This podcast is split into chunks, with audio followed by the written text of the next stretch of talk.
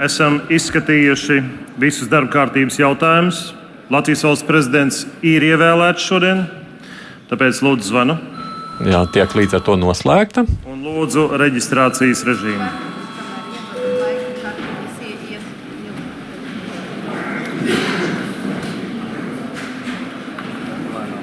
Nesatraucieties, kamēr es neesmu palūdzis rezultātu, varat vēl reģistrēties. Saimnes deputāti vēlreiz reģistrējās, kas piedalās. Ir. Tā tad. Un lūkšu saimnes sekretāra biedru Antoniņu Našelu nolasīt reģistrācijas rezultātus.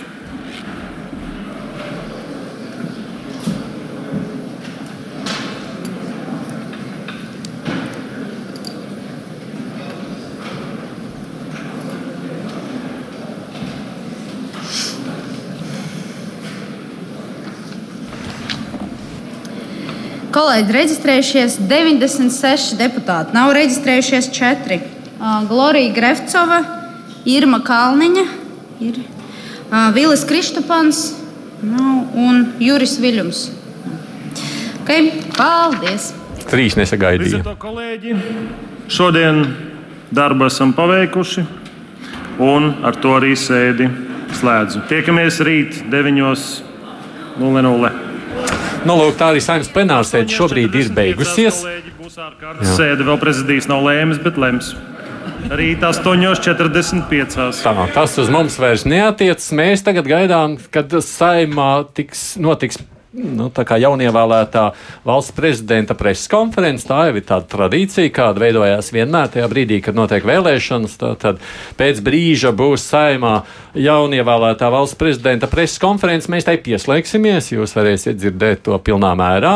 Un tad savukārt pēc preses konferences Rinkevičs kungs nāks šeit uz Latvijas rādio. Mēs tā ceram, vismaz tāda tā arī ierastā tradīcija ir šobrīd. Un tad mēs varēsim savukārt jau viņu uzklausīt, ja izvaicāt mazliet rūpīgāk nekā, nu, kā jaunievēlēto prezidentu, nekā tas būs bijis preses konferencē. Šobrīd savukārt mana kolēģi Māra Jansona ir aicinājusi uz sarunu otru nu, tad, tad prezidenta kandidātu, kurš nesavāc vajadzīgās balss Ulu Pīlēnu. Māra, vārds tev!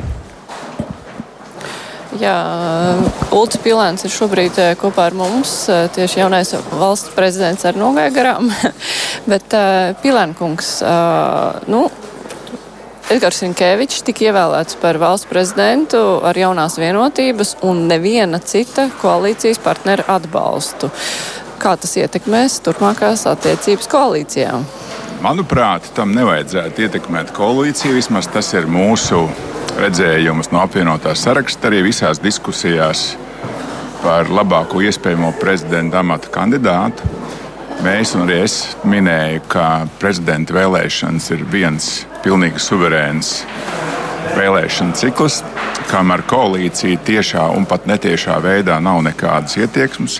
Es ceru, izējot no mūsu starptautiskām saistībām, izējot no mūsu pārfinansēšanas nepieciešamībām, no NATO samita tūmu un tam līdzīgi, ka um, jaunā vienotība nemēģinās torpedēt esošo koalīciju, tad tas būtu diezgan dīvains risinājums. Bet manā izpratnē bija ļoti godīga sacensība. Es pieteicos šai sacensībai tāpēc, ka man ļoti tuvu sirdī ir Latvija. Un tad, kad ir grūti laiki, tad viņai jānāk palīdzīgā. Sacensība bija laba bija ļoti kvalitatīva.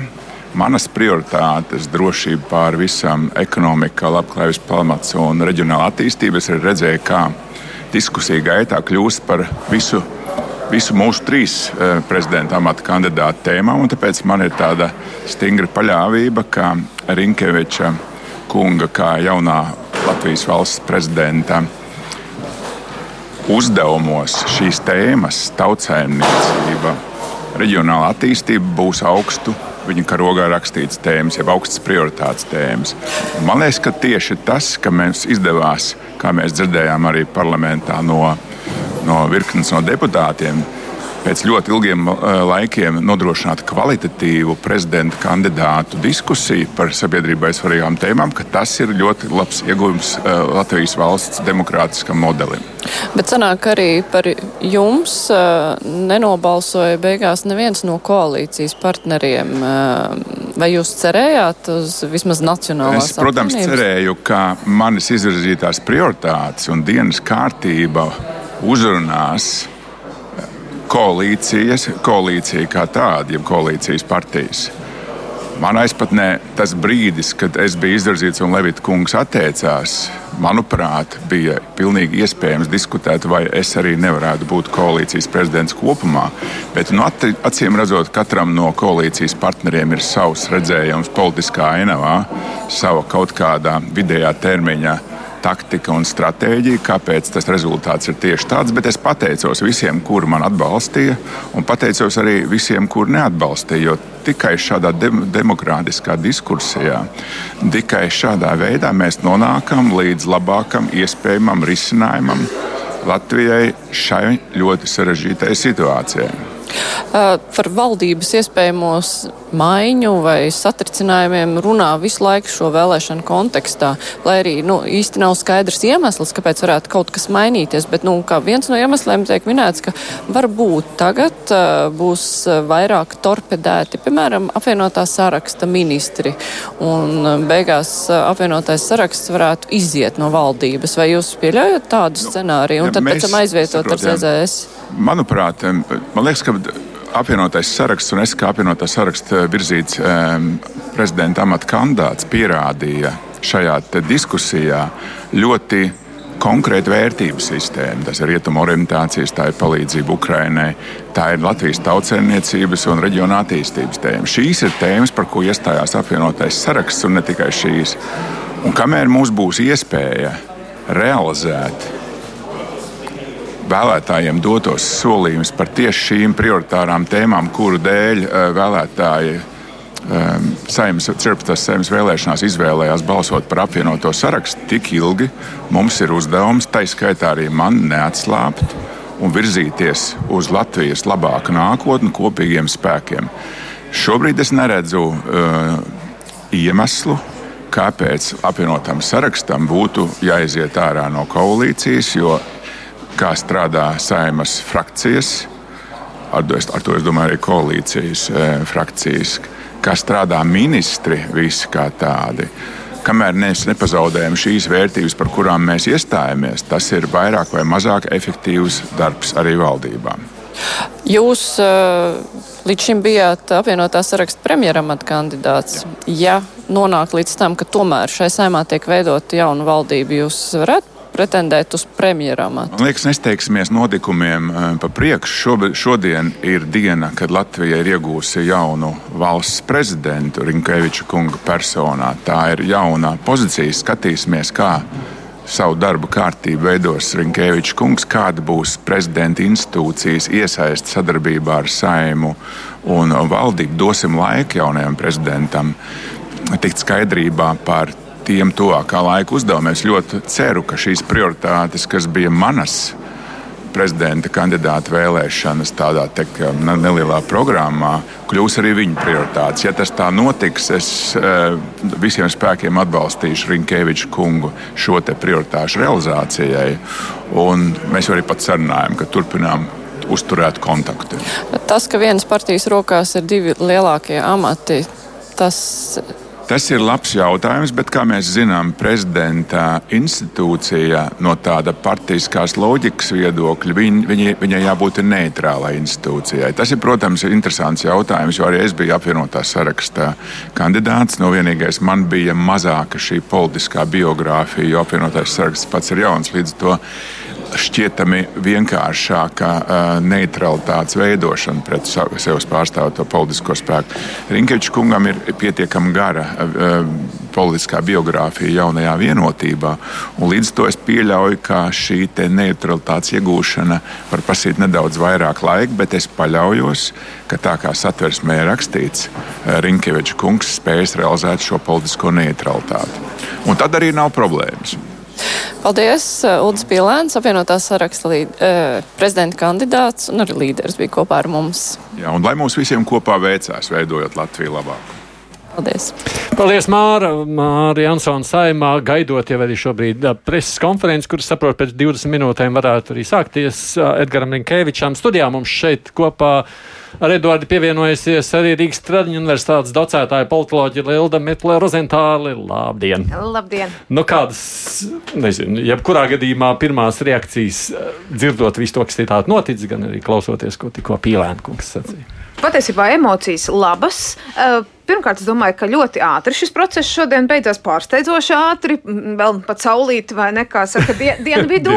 jā. O, otrs, es domāju, ka šī izvēle konkrētā kandidāta nokļūšana prezidenta postenī principā Latvijai ir ļoti laba un perspektīva. Un pat ja kāda sabiedrības daļa šobrīd vēl kā, šaubās vai domā, vai tas ir, vai ko, ko tas dos un kā tas dos, tad, tad, tad vērtējot uh, Rinkeviča kunga pieredzi, zināšanas, uh, sabiedri, teiksim, sabiedrībā pausto atbalstu viņam un kopumā viņa mm, atpazīstamību un reputāciju arī ārvalstīs, es domāju, ka mēs mm, visdrīzāk būsim ieguvēji no šī prezidenta kopumā. Tāpēc es domāju, ka vispār šī priekšvēlēšana cīņa iezīmējās ar tādiem spēcīgiem kandidātiem, kuri godam cīnījās. Un, jā, sajūtas kopumā ir ļoti labs. Protams, uzreiz galvā ir jautājums, kas notiks tālāk ar valdību, jo skaidrs, ka mēs tikko dzirdējām, ka Pīlēns kungs saka, ka viņš domā, ka nekas varētu nemainīties, ka viss tāpat, nu,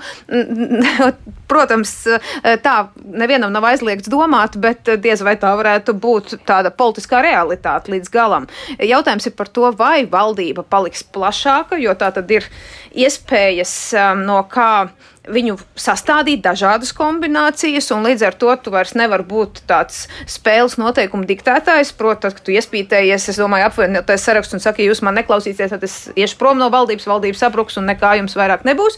Eh, es domāju, ka tagad apvienotajam sarakstam pat, ja, teiksim, esošais, eh, esošo partiju spektrs valdībā arī paliks, bet varbūt pievienosies kāds cits, jo es domāju, tas galvenais jautājums ir par uzticamību un tādu valdības sadarbības spēju. Jo, principā, tas, ko mēs redzējām šajās prezidenta vēlēšanās, ka esošie partneri nav sadarboties spējīgi valdības partneri, jo te nu bija katram savs, vienam bija savs eh, kandidāts jau no pirmā brīža, kas netika tajā brīdī saskaņots ar pārējiem šis process. Otrs eh, tagad vispār izdomāja, es domāju, Nacionālo apvienību nebalsot ne par ko un noslēpties vai ne, nezinu kur un nezinu kā un nezinu, kas tālāk notiks. Un, eh, nu, līdz ar to savukārt no otras puses Zaļo zemnieku savienība un progresīvie atbilstoši tam, nu, kā iespējams vienošanās bija pirms tam panākta, tā arī pilnīgi precīzi rīkojās. Bet tā visa, jāsaka, ka interesanti bija tas, ka ZZS nolēma jau pilnīgi skaidri paust šo savu atbalstu jau pirmajā vēlēšana kārtā, lai gan viņi varēja atļauties to nedarīt pirmajā un tikai darīt otrā, vēl aizvien tā kā saglabājot šo nu, tādu nezināmo tirgošanās momentu, bet viņi teica, nē, ja mēs tā kā vīrs un vārds pateicām, atbalstam, atbalstam, tas liek nu, to sajūtu, ka viņi, viņi grib pierādīt sevi kā uh, drošu, uzticamu partneri. Jā, un principā. Uh, Tieši tāpat progresīvie, kuri arī, nu, protams, viņiem bija savs kandidāts. Viņi nevarēja balsot sākumā par Rinkēviču kungu, ja viņiem ir jāatbalsta savs, bet tajā brīdī, kad viņš tika noņemts, nu, tad šis te, šis izvēle tika izdarīta. Līdz ar to nu, redzēsim, kas notiks. Tas ir tāds savstarpējs. Nu, Sadarbības un uzticamības demonstrēšana. Tā, jā, tā ir pieslīpēšanās. Un es domāju, ka no vienotības puses, nu, jāsaka, kārtējā, kārtējais rauns, kārtējā partija, kura ir politiski ļoti sekmīgi izspēlēta. Jo patiešām, ja mēs tagad domājam, ja jau ZZS elektorātam ir bijis pieņemams tas, ka uh, tiek, ievēlēti, tiek ievēlēts valsts prezidents kopā nu, kopā ar, teiksim, progresīvajiem, kuri tiek mālēti tā sauktajā konservatīvajā sabiedrības daļā, kā tāda melnā avs. Nu, mēs jau publiskajā uh, telpā, tā skaitā vairākos medijos, pastāvīgi redzam to, ka nu, nu, tie ir bez maz vai Leņķina, Leņķina un Staļina mantinieki, uh, kultūra marksisti. Ģimenes grāvēji. Ģimenes grāvēji, nu kas tik viņi visi briesmoņi tādi nav.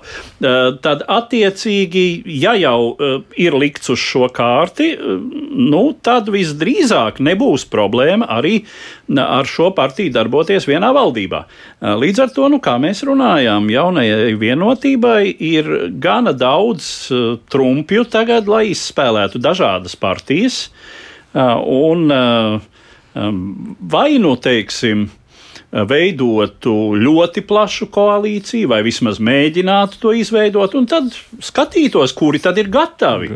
Jo, jo atceramies, pēc vēlēšanām, tā kā saimnes vēlēšanas notika, bija tāda sajūta, ka jaunā vienotība iespiest stūrī. Viņi tur mēģināja vēl kaut ko, bet nu, viņiem bija vainu vainu. Nu, jā, ne? nu, tad viņi, viņi mēģināja tajā brīdī, viņiem bija diezgan noteikti vēlēšanās arī progresīvos, kā nu, es teiktu, tomēr ideoloģiski sev vistuvāko partiju.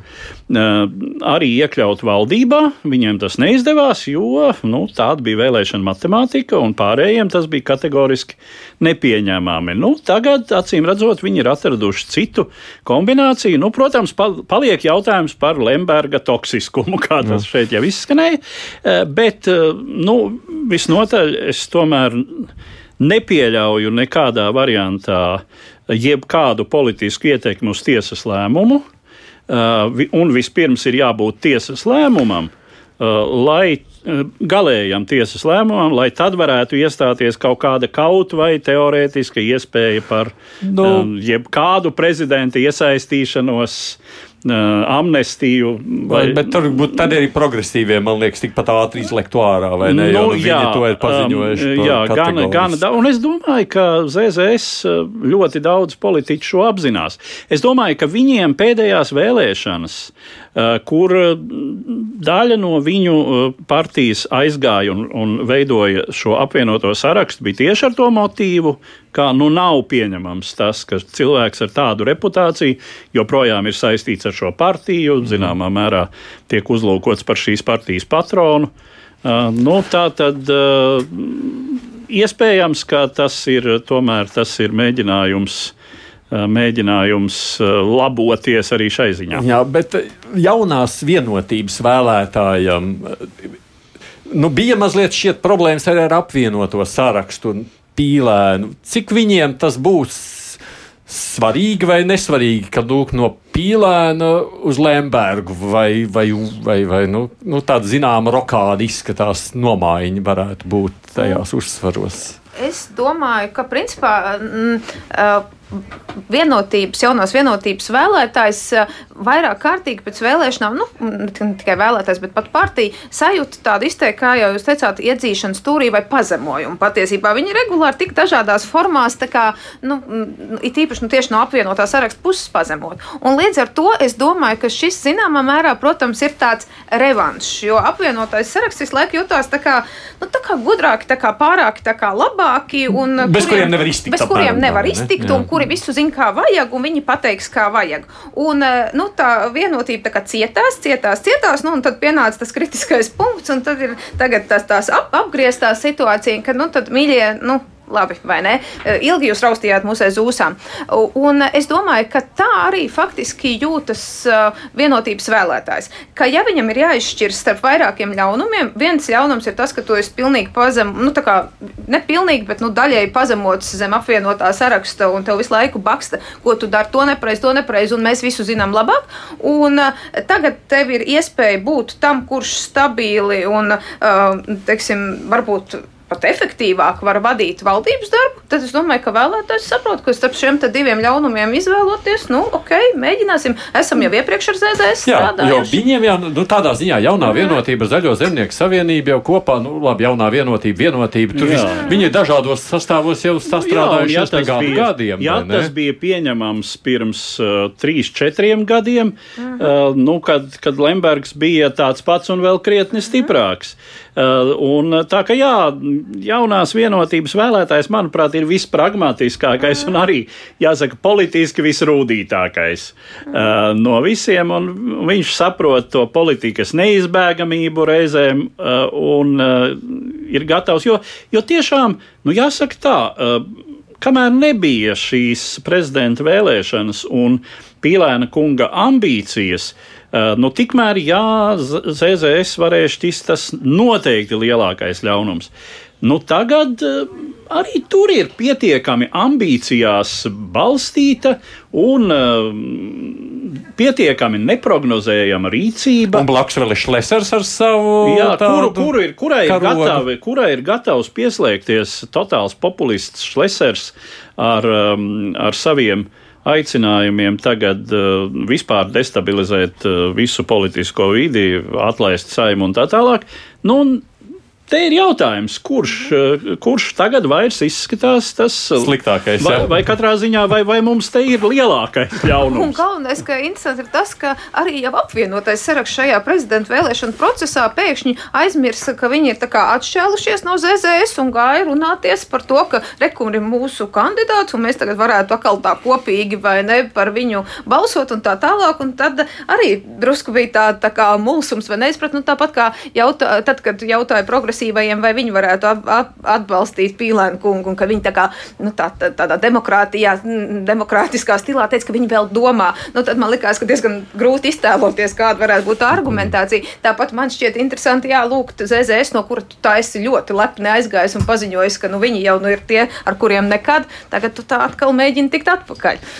Nu, kas attiecas savukārt uz Nacionālās apvienības un progresīvā vēlētājiem, kā viņiem vajadzētu novērtēt esošo situāciju? Nu, progresīvo vēlētājiem, es domāju, absolūti tā nekādu problēmu nav. Ne, jo, nu, Rinkevičs droši vien diezgan tūks varētu būt arī progresīvā vēlētājā. Sevišķi kā, kā personība. Kā personība. Jā, jo es nedomāju, ka te obligāti mums ir jāskatās uz kaut kādiem tur seksuālās orientācijas jautājumiem. Tas būtu absolūti tā lēti. Jā, bet, bet, bet nu, arī tas progresīvajiem arī, protams, ir, kā teiksim, jā. absolūti principiāli tolerants mm -hmm. šais jautājumos. Mm -hmm. Bet vienkārši attieksme kopumā, visas šīs ideoloģiskās vērtības, ko nu, arī visās diskusijās pauda abi prezidenta kandidāti, tad Pīlēnkungs ir nu, faktiski pretējs pols progresīvo vēlētāju uzskatiem, un savukārt Rinkēvičs kungs ir daudz tomēr tuvāks jebkādās mm. savās vērtībās.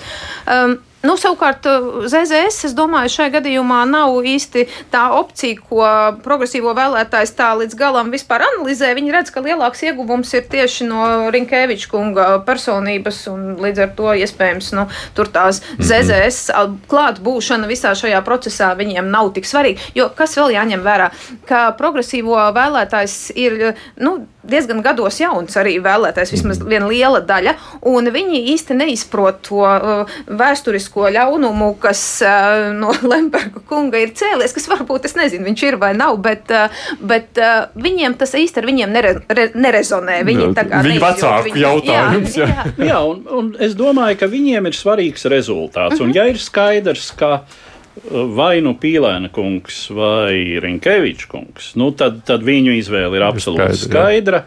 Uh, un uh, varbūt vispār tāda psiholoģiska izjūta, runājot par paudzēm. Jo tas, starp citu, ir visai spilgti šais vēlēšanās. Mums ir trīs paudžu cilvēki būtībā. Mm. Pīlēna kungs, kas, kurš ir par mums vecāks, kas ir mm. nu, negluži mūsu vecāku paudze, bet nu, teiksim, izteikti tā tad um, paudze, kas bija jau pietiekami nobriedusi pirms trešās atmodas. Tad Rinkēvičs kungs, kurš ir izteikti mūsu paudze, mūsu jā, jā, ar tevi. Jā, mūsu ar tevi. Jā. Jā, un Pinto kundze, kas ir jau desmit gadus jaunāka, paudze jaunāka, un zināmā mērā tiešām pārstāv to politikas rītdienu, un varbūt, viņas vēlētājiem arī ir gatavība pagaidām palikt tā izjūtā, ka mūsu laiks vēl pienāks. Mm. Ka, ka tā ir nākotne, ka mēs pamazām būvējam šo nākotni, mēs to ejam. Labi, Jā, Rinkēvičs kungs, tā ir šodiena.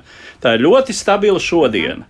Uh, un tad kaut kad, jā, kāpēc? Jā, galvenais, ne? iespējams, ir tā piedalīšanās un būšana klāt procesos, ne katru reizi tas konkrētais, nu, tur, teiksim, vai prezidenta postenis vai kaut kāds konkrēts rezultāts. Jo viņi vairāk tiešām ir, šī te paudze ir vienkārši sabiedriski aktīva vai ne ar vēlmi būt klātesošai.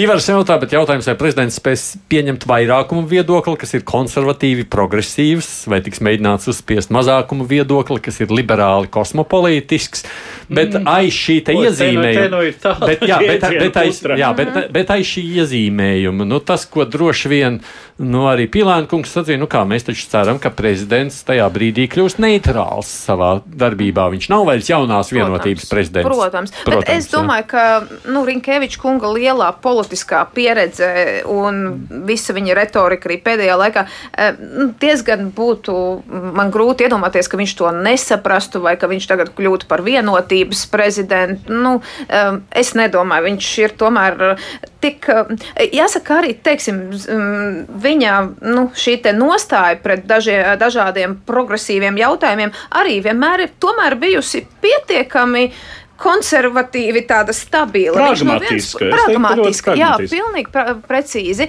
Uh, respektīvi, mēs nejaucamies nu, cilvēka kaut kādos privātās lietās, bet tur, kur at, kas attiecas uz valsti kopumā, tur mēs uh, nebīdam kaut kādas nu, ārkārtīgi progresīvas uh, idejas kā to nu, galveno mērķi. Viņš jā, ir bijis ļoti racionāli, pragmatisks, uh, spējot ietvert visdažādāk domājošos. Te jau ir jāatcerās viņa vēsturi. Viņš jau faktiski ienāca no Zatlera laikiem, mm -hmm. vai ne? Viņš jau bija reformu partija savulaik.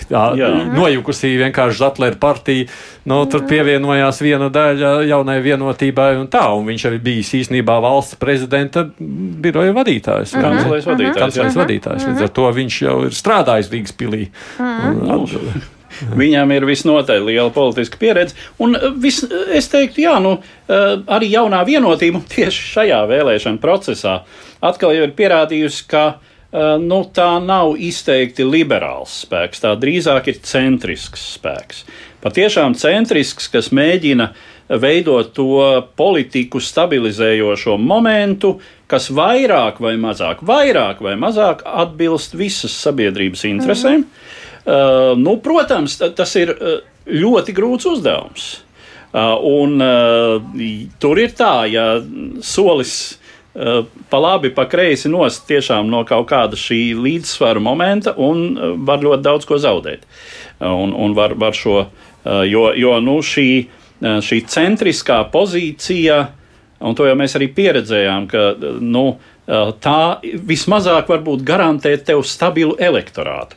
Jo tādas redzamākas, uh mhm. -huh. artikulētākas politiskās idejas, uh, Eh, radikālāki viedokļi ir daudz pateicīgāki, lai konsolidētu elektorātu. Mm. Līdz ar to, mm. teiksim, varbūt Nacionālā apvienība ar, šo, ar šiem saviem 11% plus mīnus nu, 10 mm. minimums, tur 15 maksimums teju vai ja, var rēķināties, jo to nodrošina viņu, viņu ideja. Ir cilvēki, kas, kas tam ir gatavi atsaukties te jau neatkarīgi no viņa politiskās darbības mm. konkrēti. Pavisam drīz jau būs nu, arī jaunievēlētā prezidenta preses konference, kā, kur katru brīdi gaidīsim, kad mēs varēsim pieslēgties tūlītās atpakaļ saimnes namām, tikai kamēr mēs vēl gaidām tajās minūtēs pāris, runājot par Nacionālo apvienību. No Nacionāla apvienība arī šobrīd saka, nu neko, gaidīsim, neko nedrīksim tālāk. Apmēram tā es to varētu šobrīd tā es, izteikt. Tā atbilde, es, man arī ir šis jautājums par to, ko, kā tā var. Eh, bet es domāju, tā atbilde ir arī tajā, ko tikko kolēģis teica, šajā Nacionālās apvienības vēlētājā,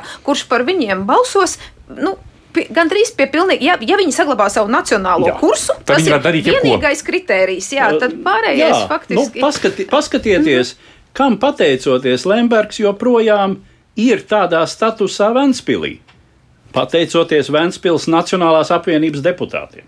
Kas Cik ir viņiem tur ir viens vai divi? Koalīcijā, jā. Jā. Mm, mm. Bet uh, Nacionālās apvienības vēlētājiem ir vienalga. Virza savu prezidentu, nevirza savu prezidentu, izdodas, neizdodas, balso, nebalso. Tā ir. Nu, šajā gadījumā viņi acīm redzot, redzēja, ka, ka prezidenta kandidāta virzīšana, pat ja hipotētiski tāda, ka, nu, ja viņam nav neviena vairāk citas partijas atbalsta, varētu zināmā mērā liecināt par viņu vājumu. Un kāpēc izrādīt savu vājumu? Tad labāk es vispār šo opciju dienas kārtībā neiekļauju, es neko nevirzu. Tāpat laikā es norobežos no visiem pārējiem, jo varbūt manam vēlētājiem jā, varētu nepatikt pārāk liberāli uzskati, ko varētu saistīt ar Inkeviču kungu, vai tāpat laikā varbūt nu, tur komunistiska pagātne, ko varētu sasaistīt ar Pīlēnu kungu, tad, lai es nepazaudētu savu konservatīvi nacionālo vēlētāju, es labāk paslēpjos un kādu brītiņu vienkārši saku, ka es, es šeit nesmu, vai ne? Nu jā, un, un te es atkārtošos, tātad šī pamatā uh, garantētā elektorāta uh, piekrišana. Uh, var arī Nacionāla apvienība nu, nemaz tik šausmīgi neciest, arī uz kādu laiku nonākot opozīcijā. Saglabājot mm -hmm. principu tīrību, toties Tas varētu vēlētāju elektorātu tikai konsolidēt. Un vēl tu paliec visiem draugs, jo tu neesi ne, ne, ne īsti vienam izteicis atbalstu, ne īsti otram atbalstu. Viss tā. Nu jā, neviens... vienmēr, vienmēr jautājums, vai tas ir īstermiņā vai ilgtermiņā ieguvē, ieguvums. Man kolēģis saka, ka Mārija Ansona, nu, kolēģi Mārija Ansona no saimnes saka, ka viņš jau runājot par koalīcijas paplašināšanu jau šobrīd jau saimā. Tā kā, nu, droši vien, ka tas arī tā varētu būt saprotami. Bet ir skaidrs, ka mums vairs nav ārlietu ministra, vai ne? Tas būs, jā. Nu, Bet es domāju, ka ārlietu dienestā nu, ir cilvēki, nu, vismaz pāris cilvēki, kas varētu diezgan sekmīgi šīs funkcijas pārņemt. Funkcijas pārņemt, jā, bet tas ir tas jautājums šajā brīdī, kas nozīmē, ka mums ir diezgan drīz jā, nu, jāmeklē jauns ārlietu ministrs. Vai tas ir jāmeklē esošās koalīcijas ietvaros, vai jāmeklē jauns kāda koalīcija? Tas nozīmē, nu, tas ir tāds nu, jautājums, kas nu, tas, būs, tas, tas, būs, tas būs interesanti. Jā, lai gan nu, es domāju, ka visticamāk ar tas diezin vai šis ministra portfelis Nu, diezinu, nē, nu, ir, ir zināmas iespējas arī skatoties uz, uz tiem citu partiju cilvēkiem, ka šis ministra portfels varētu mainīt partijas piedarību. Um, jaunā koalīcijas kombinācijā. Nu, piemēram, progresīviem Andris Sprūts, nu, līdzinājums Eiropas komisijas priekšsēdētājs. Visnotaļ tā kandidatūra, kas ārpus vienotības, jaunās vienotības cilvēkiem pirmā nāk prātā, uh -huh. uh, varētu būt. Jā. jā, bet tas ir beig beigās, tas arī būs iespējams jau kopā ar visu šo Jā, jā visu šo kopējo nu, kā, uh, lemšanu varētu jau reizē notikt, skatoties jau kurā brīdī koalīcija paplašināt, ja, ja tāda jāpaplašina vai ne, jau kaut vai šādā veidā, kas ir iespējams. Ja? Nu, un, un, un, ja pieņemsim. Kariņš izvirza, ja aicina šādā veidā, pieņemsim, progresīvos valdībā. Ko tad var sacīt pārējie? Nu, Tas ir veids, kā var kaut kādā brīdī jau mainīt. Nacionāla apvienība var sacīt ne par ne. ko. Un, un reizēs balsot par. Un tad viņiem var teikt, nu labi, tad paldies, kungi, pasēdiet kādu, kādu brīdi novērotājos. Viss jūsu rokās, vai Jā, ne? Viss jūsu rokās, pārlieciniet savus vēlētājus, ka tas bija pareizi. Es saprotu, ka mēs tūlīt slēdzamies klāt arī saimnes uh, sarkanai zālē. Jā, nāk jaunievēlētais prezidents. Pārstāvi, paldies par uh, jūsu lielo interesi.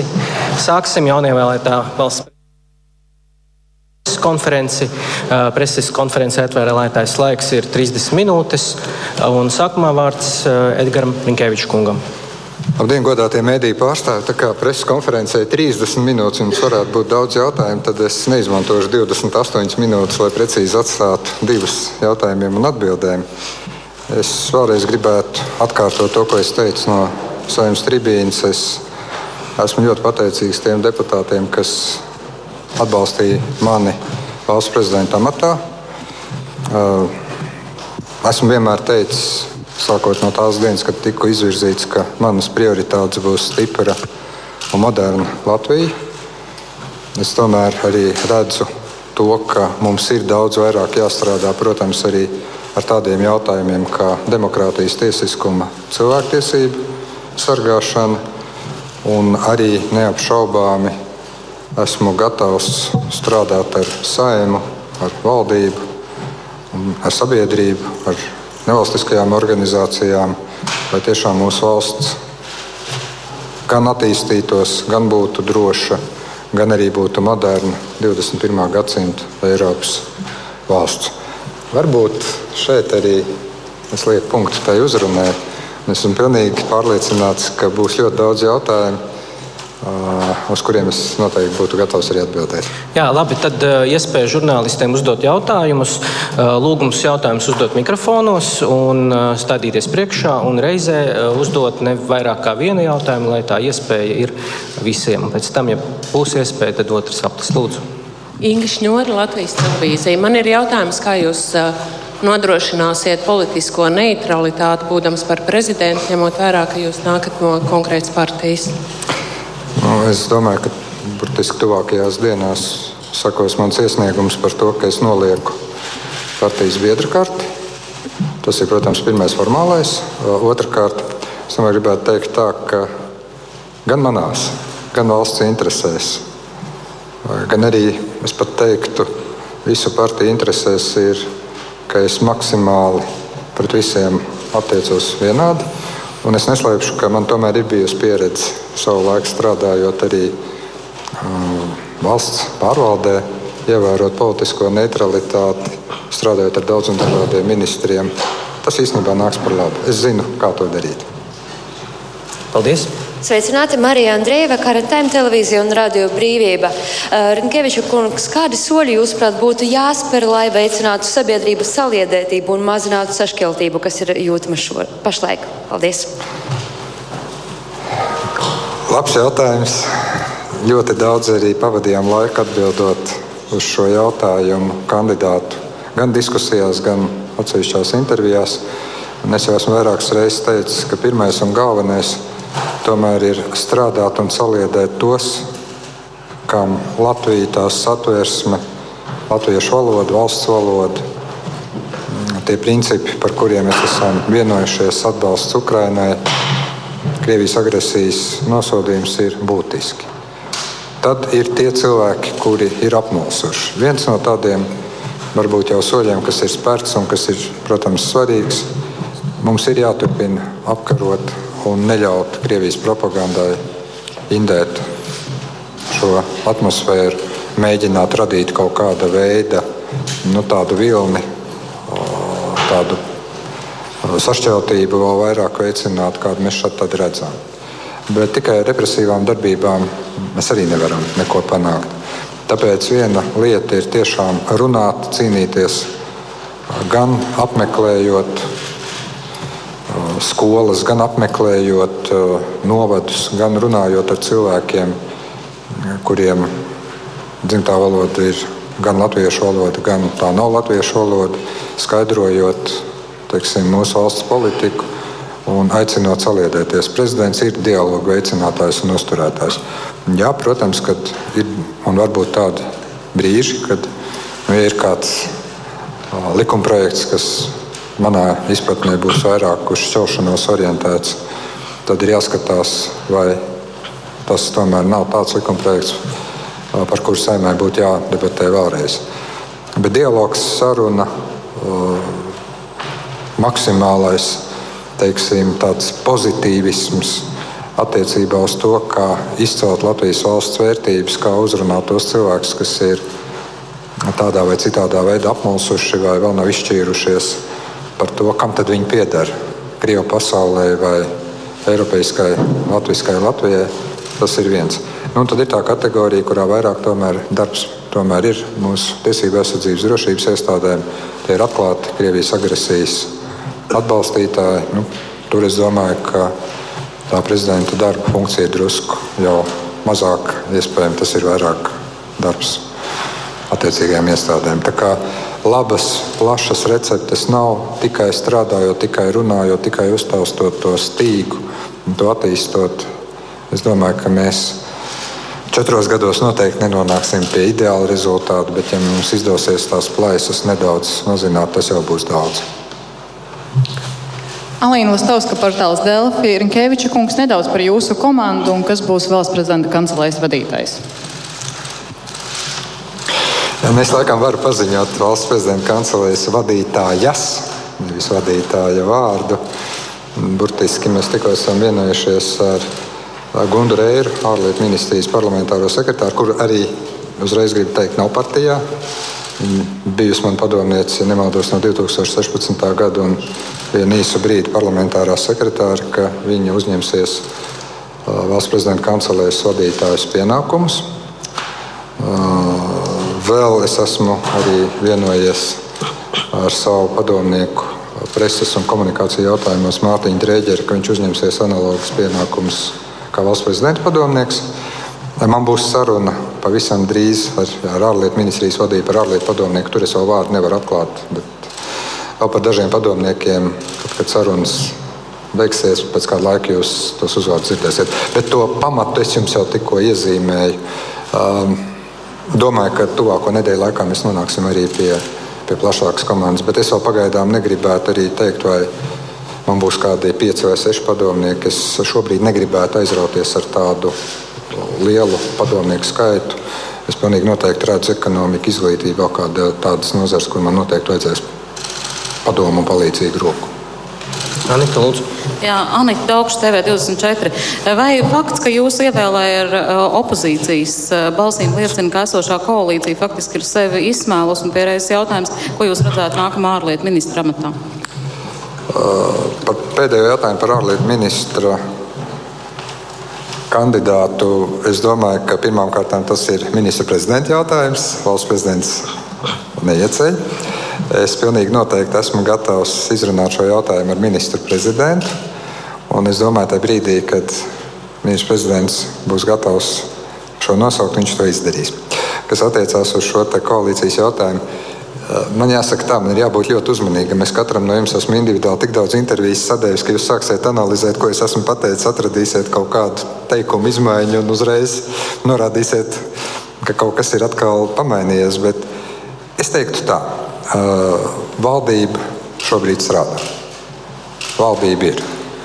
Ko es gan uzskatu, kas būtu jādara pašreizējai koalīcijai, jāizrunā visu šī situācija, kā tā attīstījās Es esmu to teicis dažās intervijās. Manuprāt, ka te ir vēl jāsaprot, vai šis prezidenta vēlēšana stāsts, kad koalīcijas partijām bija divi kandidāti, vairāk ir cēlonis varbūt visām šīm spekulācijām un diskusijām, vai tomēr simptoms kaut kam dziļākam. Es šobrīd teikšu tā, lai nepielietu vēl eļļu ugunī. Es esmu ļoti, ļoti piesardzīgs šo komentēt kaut kādā plašākā veidā.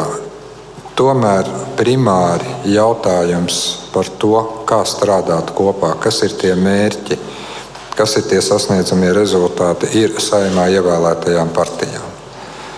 Ja partijas redz, ka kaut kas ķerās, es domāju, ka pirmais veids, kā šo analizēt, ir godīgi atklāt sarunu un izpratni, ko darīt tālāk.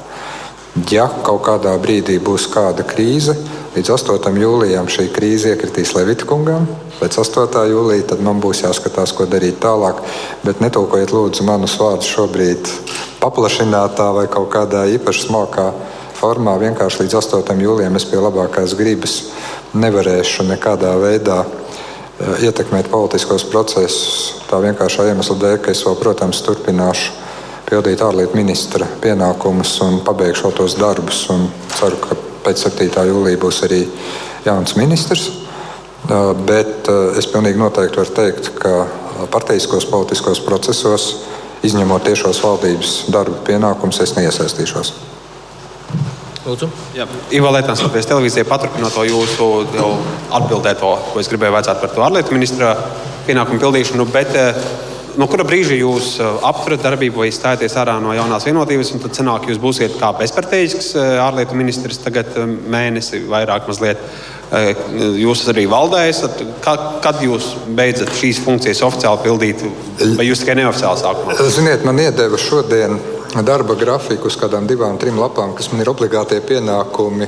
Mūsu preses konference ir viens no šīm jaunievēlētā prezidenta nu, pirmajiem darbiem.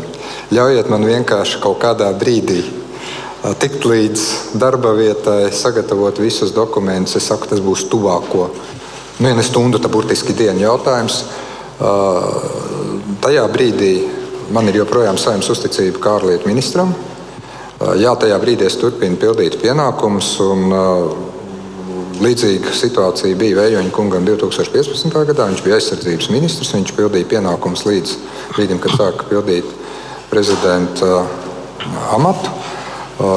Un, teiksim, tur nekādu politisku problēmu vai partisku problēmu nebija. Tajā brīdī, protams, ka atbildība vēl tīri formāli ir partijai, no kuras Tu esi virzīts. Mendelsons kundze, piemēram, ir bezparteiska, bet apvienotā sarakstu virzīt. Nu, laikam man tas status uz to brīdi tīri politiski, juridiski būs līdzīgs, bet es nedomāju, ka būs kaut kāds pusotra mēneša laikā tāds jautājums, kur ārkārtīgi nu, tādas spilgtas kaut kādas partijaskas lietas būs, kur, kur katram būs jāieņem pozīcija balsojot par kādu jautājumu. Lūdzu. Uh, Maiks Koljos, LSM Angļu servis. Uh, pirmkārt, apsveicu jūs. Uh, ko jūs vēlētos pateikt Latvijas starptautiskajiem partneriem? What would you like to say to Latvia's international partners about what sort of president they're going to encounter? In English or Latvian? In English would be easier for me. Okay. Tūkojums ir. ir es drīkstu runāt. Nepārkāpšu valodas likumu, lai jā, pēc tam, mums ir tulkojums. Lai pēc tam nebūtu pirmais sots, un jums būtu par ko rakstīt. Tā kā, ja kas, tad viņš man atļauj. Well, first of all, I think that uh, during the debates and also uh, during uh, the presentation that I had uh, when uh, my candidacy was announced, I specifically said that foreign and security policy of Latvia, in case if I'm elected, is not going to change. And that's exactly what I can reaffirm. Uh, support for Ukraine um, very strong policy when it comes to the Russian aggression. And I'm uh, very happy to continue the work that uh, President Levits has started about the International Tribunal to prosecute the crime against aggression should continue. Uh, NATO and EU as cornerstone of our foreign policy. So here, no surprises, no changes, just continuity. TV24, lūdzu. TV24 Fokustos apsveic jūs ar ievēlēšanu. Rinkevičkungs, jūs kā ārlietu ministrs šobrīd strādājat NATO samita sagatavošanai, kā prezidents pārstāvēsiet valsti pie NATO galda. Tad, tad jums ir teikt, vēsturiski iespēja, vai ir kādi speciāli jautājumi, kurus jūs vēlaties priekš Latvijas vai Baltijas sarūpēt. Un viens iekšpolitikas jautājums, kad jūs vietā pirms četriem gadiem šajā sākuma preses konferencē sēdēja Egils Levits, viņš teica, ka viņš iekšzemē runās tikai un vienīgi latviešu valodā. Vai jūs turpināsiet šādu tradīciju? Ziniet, es neizslēdzu iespēju, ka kaut kādos gadījumos es runāšu, tā kā es tikko runāju angliski, iekšzemē runāt arī angliski. Ja būs kaut kāda nepieciešamība, un es redzēšu, ka tas ir tas labākais, ko sasniegt, es runāšu krieviski. Un, lai, protams, man piedod franču valodas speciālisti, no manis var izspiest arī kādu teikumu, bet nu, tur ir jābūt kaut kādai īpaši kritiskai situācijai franču valodā. Tas nenozīmē, teiksim, nekādā veidā valsts valodas nozīmes mazināšanu. Nē, pamatkomunikācija prezidentam ir valsts valoda. Bet, bet es tomēr gribētu teikt, ka kas attiecās uz nu, tādu situāciju, kas mums veidojās valsts valodas jomā, manuprāt, mēs esam uz pareizā ceļa kaut vai skatoties uz to, ka mēs stingri uzstājam, ka darbā pieņemot cilvēkus, tomēr nu, nevar prasīt visur, piemēram, krievu valodu. Latviešu valoda ir galvenā. Bet, ziniet, tad, kad es arī dažreiz dzirdu šos te, saucienus atkrievisko Latviju, es gribētu teikt savādāk - latvisko Latviju. Un tam ir drusku citāda, pozitīvāka konotācija. Un tas ir tas, ko es darīšu. Es neizslēdzu šobrīd, un es negribu sevi sasaistīt ar kāda veida teiksim, solījumiem. Es pamatā runāšu latviešu, bet es neizslēdzu gadījumus arī citu valodu lietošanā, kaut vai tā kā šajā preses konferencē. Kas attiecās uz NATO samitu, nu, kā lai to saka? Mēs esam tikai tādā situācijā, man jāsaka, es neesmu ticis arī šo vēlēšanu dēļ uz neformālo NATO ārlietu ministru sanāksmu Oslo, kas notiek šovakar un rīt. Tur mums pārstāv ārlietu ministrijas valsts sekretārs. Mums ir divi lieli mērķi.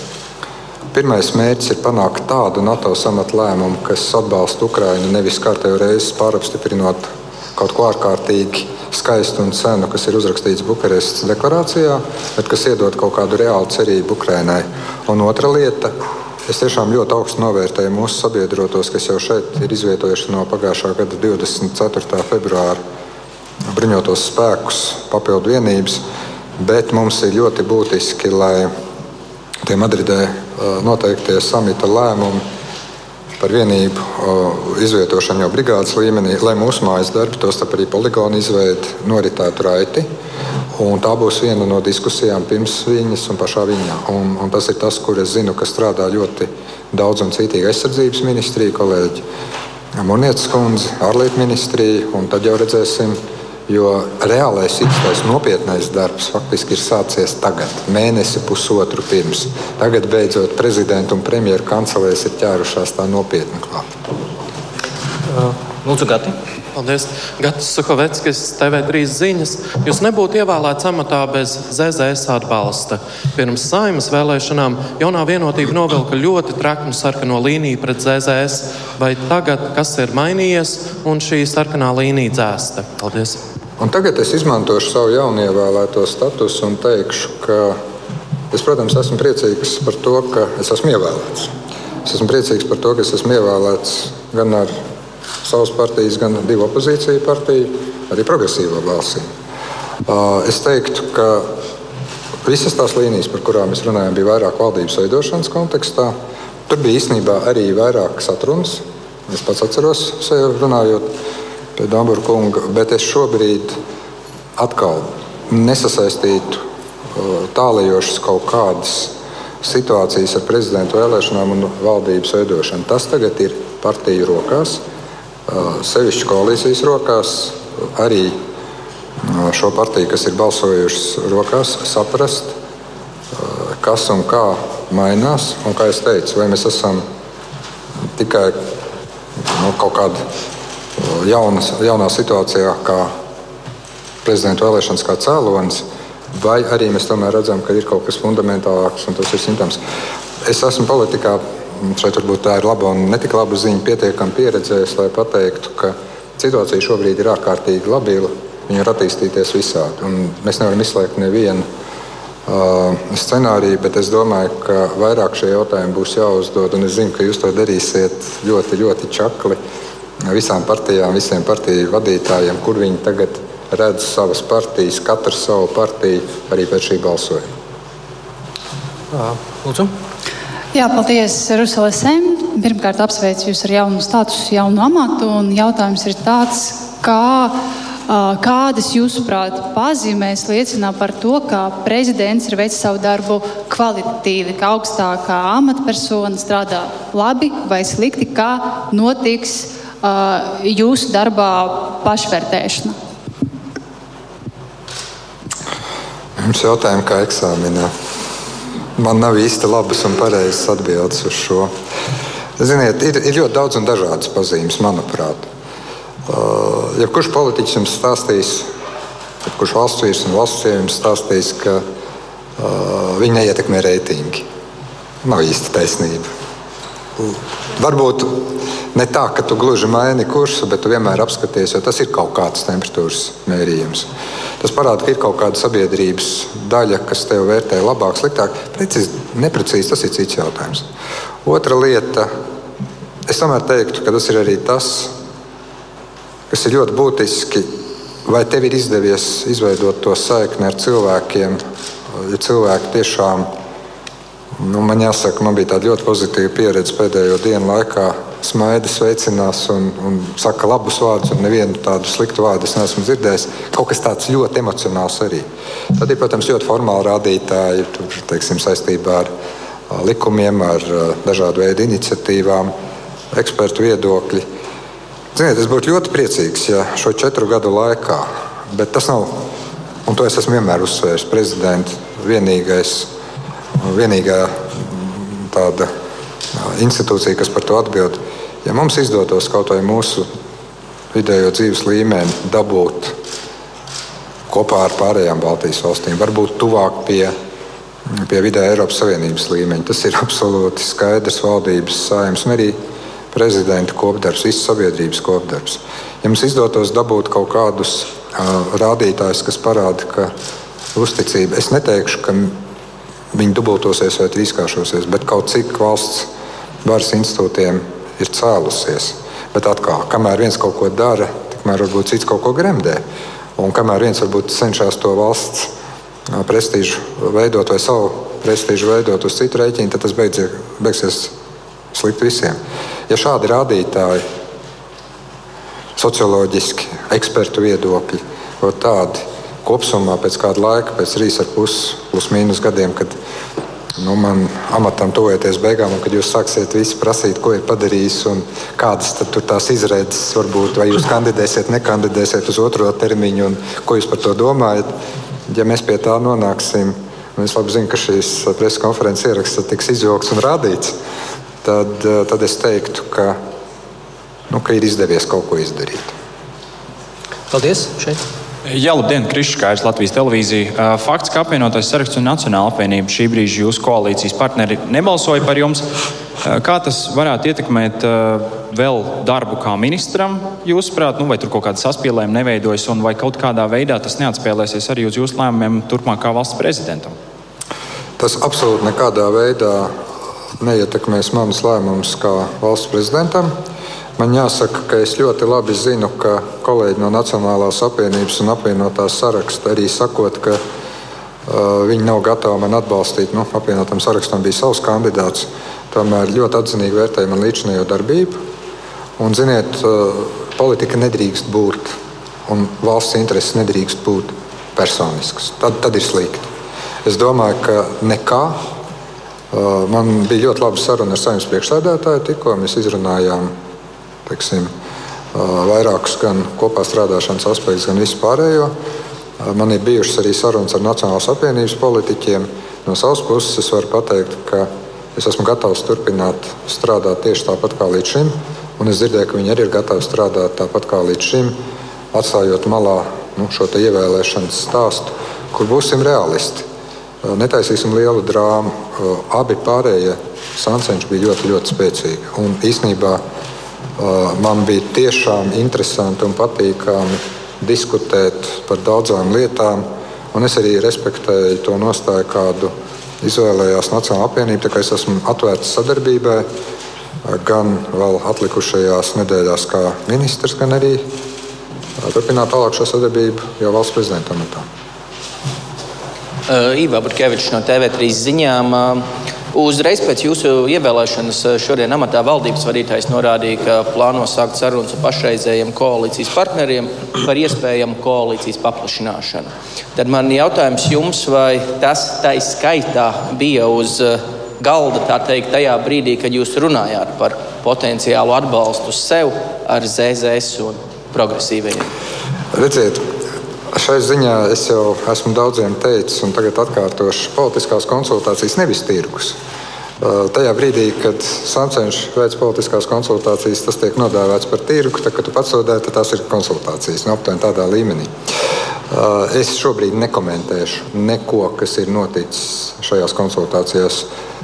Gan aiz cieņas pret partneriem, gan arī tāpēc, ka ir sācies jauns šobrīd process pēc ievēlēšanas, un valdības vadītājs jau ir pateicis to, ko viņš taisās darīt tālāk. Lūdzu, Delfi. Olga Dregiļeva, portāls Delfi. Um, diskusijā, kandidātu diskusijā Delfi TV, jūs, uh, viens no jūsu jautājumiem citiem kandidātiem bija četri vai astoņi runājot par termiņiem. Un tad ir jautājums jums, vai jūs varat uz to tagad atbildēt, vai jūs strādāsiet, lai divus termiņus nostrādātu šajā amatā, vai nē? Jā, tas ir bīstami uzdot jautājums, kurš pēc tam dabūna atpakaļ kā bumerāngu. Ziniet, ko? Es esmu ievēlēts uz četriem gadiem. Tas ir patiesībā ilgs laiks. Ir ļoti daudz dažādas situācijas un daudz dažādas lietas. Um, es gribu maksimāli produktīvi un labi nostrādāt šos četrus gadus, un tad skatīties, kā būs tālāk. Es laikam esmu atbildējis precīzi, kā mani sancenši. Jūs, kolēģi, neļaus samaloties, jo patiesībā sakot, uh, es domāju, ka ļoti daudz faktoru pagaidām ir nezināmi. Bet, uh, ja man izdosies labi strādāt četrus gadus, es domāju, tā būs nopietnāka diskusija. Ja nē, tad tā būs cita diskusija. Viss ir lielā mērā atkarīgs arī no tā, kā es strādāšu. Paldies. Vai ir vēl kāds jautājums? Mikrofonu.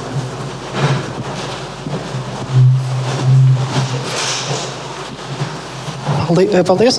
Ainārs Lējais, aģentūra Leta. Sveicināti! Vēlējos prasīt par to, vai jums jau ir padomā kādas konkrētas vai, nu konkrētas vai, kā, vai kādās jomās likumdošanas iniciatīvas, kādi likuma projekti.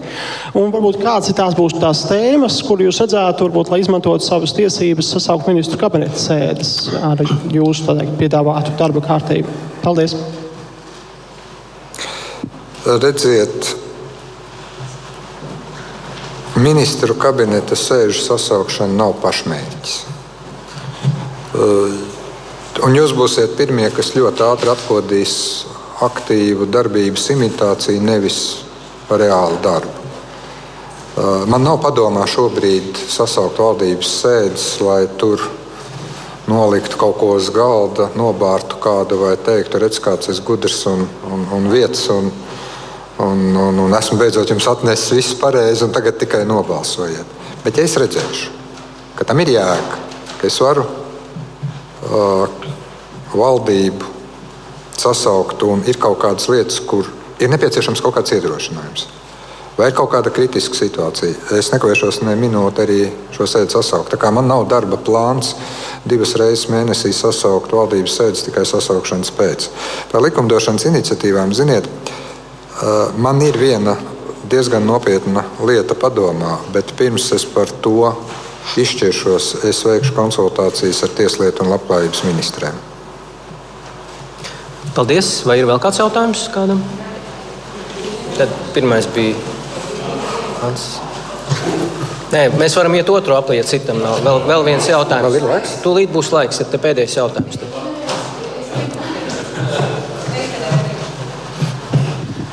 Jā, daudz parasti runājot par prezidenta darbu, tiek diskutēts par to, vai priekšroka ir ārpolitikai vai iekšpolitikai. Un, zinot jūsu līdzinējo darbu, tas vairāk ir bijusi ārpolitisku jautājumu risināšana. Kā jūs plānojat sadalīt šīs divas daļas, vai tās būs līdzvērtīgas, vai kāda no tām daļām būs, kādai būs priekšroka?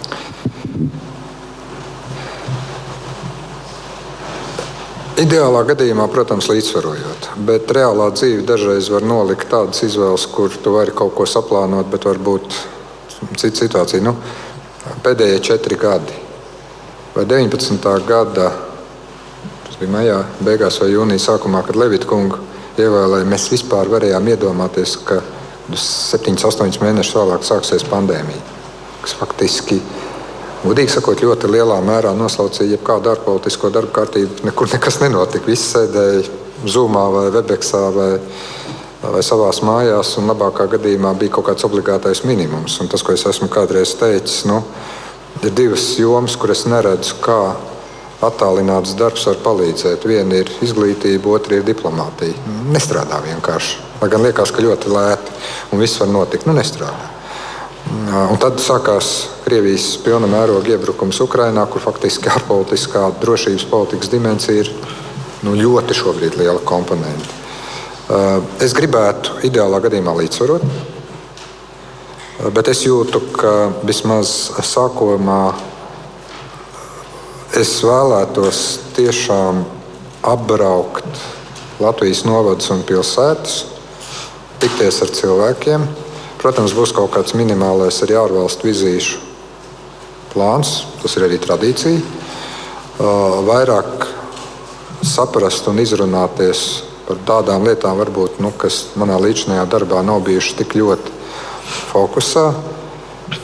Bet var gadīties viss, un pēkšņi viss man ir labie nodomi, tiek dzēsti, jo ir kaut kādas lietas, kas ir jārisina. Ideāli līdzsvarā, Tā labā ziņa varbūt, ka man tīri ārpolitikā nu, nav tā ļoti, ļoti ilgi jāieskrienās. Es ceru. Paldies! Līdz ar to mūsu laiks ir iztecējis, un uh, preses konference diemžēl jābeidz. Paldies, Paldies par uzmanību!